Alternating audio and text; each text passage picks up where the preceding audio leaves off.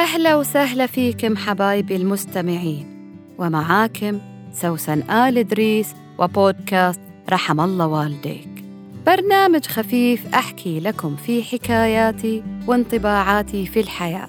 اللي أرجو إنها تعزف على وتر في وجدانك من زمان ما سمعته أو كنت غافل عنه عشان بعد ما تسمعني تدعي لي وتقول رحم الله والديك.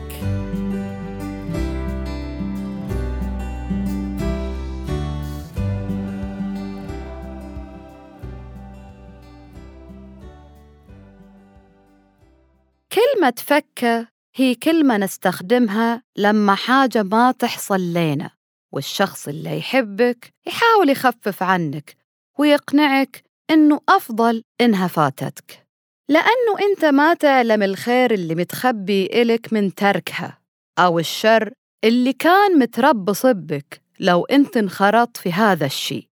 يعني مثلا كنتي معزومة على حفلة وراحت عليكي نومة ولا قدرتي تحضريها فقعدتي تلومي نفسك. فتجي الوالدة تهون عليش وتقول لك افتكيتي شكلك كنتي مرة تعبانة ولو رحتي ما استانستي.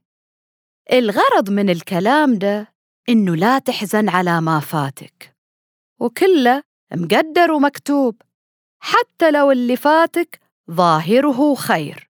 يضل الشيء اللي غايب عن علمك شيء أنت ما تدري عنه.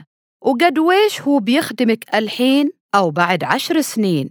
ونلاقي قصص كثيرة يكون فيها الشخص يشكر ظروفه الصعبة أو الناس اللي أذوه لأن بفضل هذه الظروف والتفويتات قدر يخلق منا هذا الشخص الحالي اللي إما أنه يكون ناجح أو الله سلمه من شرور ما كان يدري عنها.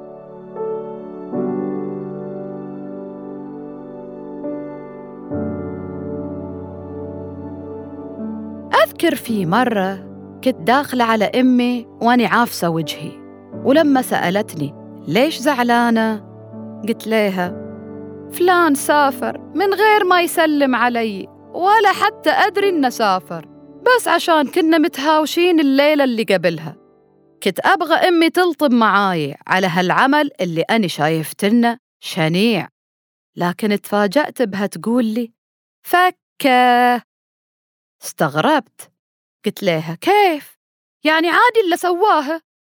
قالت لا مو عادي لكن ويش الحزن بيجيب لك الحين؟ بيرجعه؟ بيعتذره؟ دكو مسافر ومستانس متوفق أو مو متوفق إحنا ما ندري لكن غلط عليه أنت تضيعي وقتك في الحزن ليش؟ بدل ما تنبسطي باللي عندك إنك قاعدة مع أهلك وإنك بخير حسيت إنها صبت علي ماي بارد بعد الغضب اللي كنت فيه. يعني فعلا البكاء على اللبن المسكوب ما راح يرجع للجرة. امسح اللبن ده وروح جيب لبن ثاني. فالحياة لا تتوقف عند فرصة راحت أو فلان استهان بك.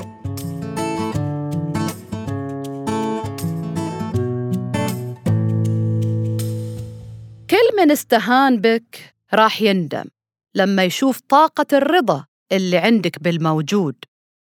أذكر شفت فيلم وأنا صغيرة لمحمد فوزي كان يحلم فيه إنه يكون مطرب مشهور وكانت فرصته لتحقيق حلمه هي إنه يسافر إلى إسكندرية ويحصل على فرصة بإنه يصير مشهور.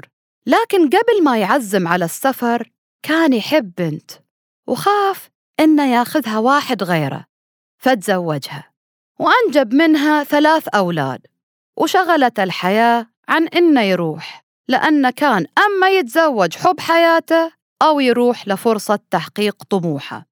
فظل في خلال حياته مع زوجته وأولاده كله يندب حظه.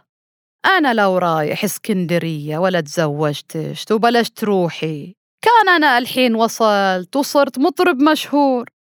فمرة طلع من البيت وهو مضغوط من مسؤوليات زواجه وأولاده وحماته وقام يمشي بغضب في الشارع وهو يردد إسكندرية إسكندرية إسكندرية.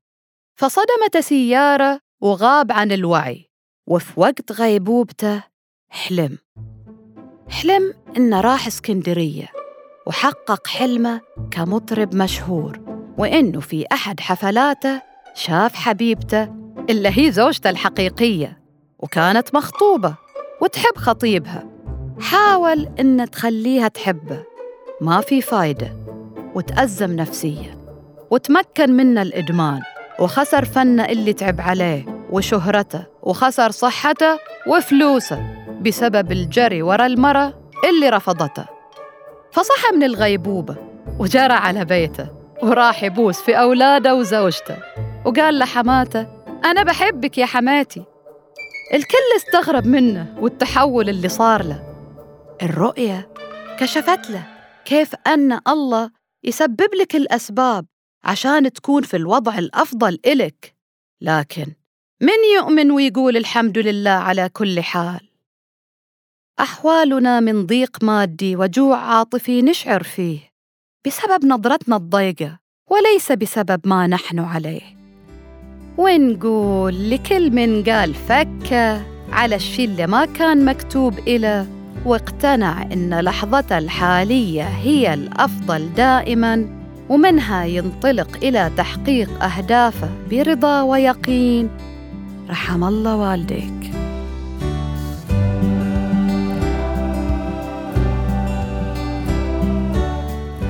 كنت معاك أنا سوسن آل إدريس. لا تنسى تشارك الحلقة مع اللي حواليك وتتابعني على حساباتي في السوشيال ميديا واللي حطيتها لك في وصف الحلقة. الحين أقدر أقول لك أتمنى لك يوم جميل ورحم الله والديك.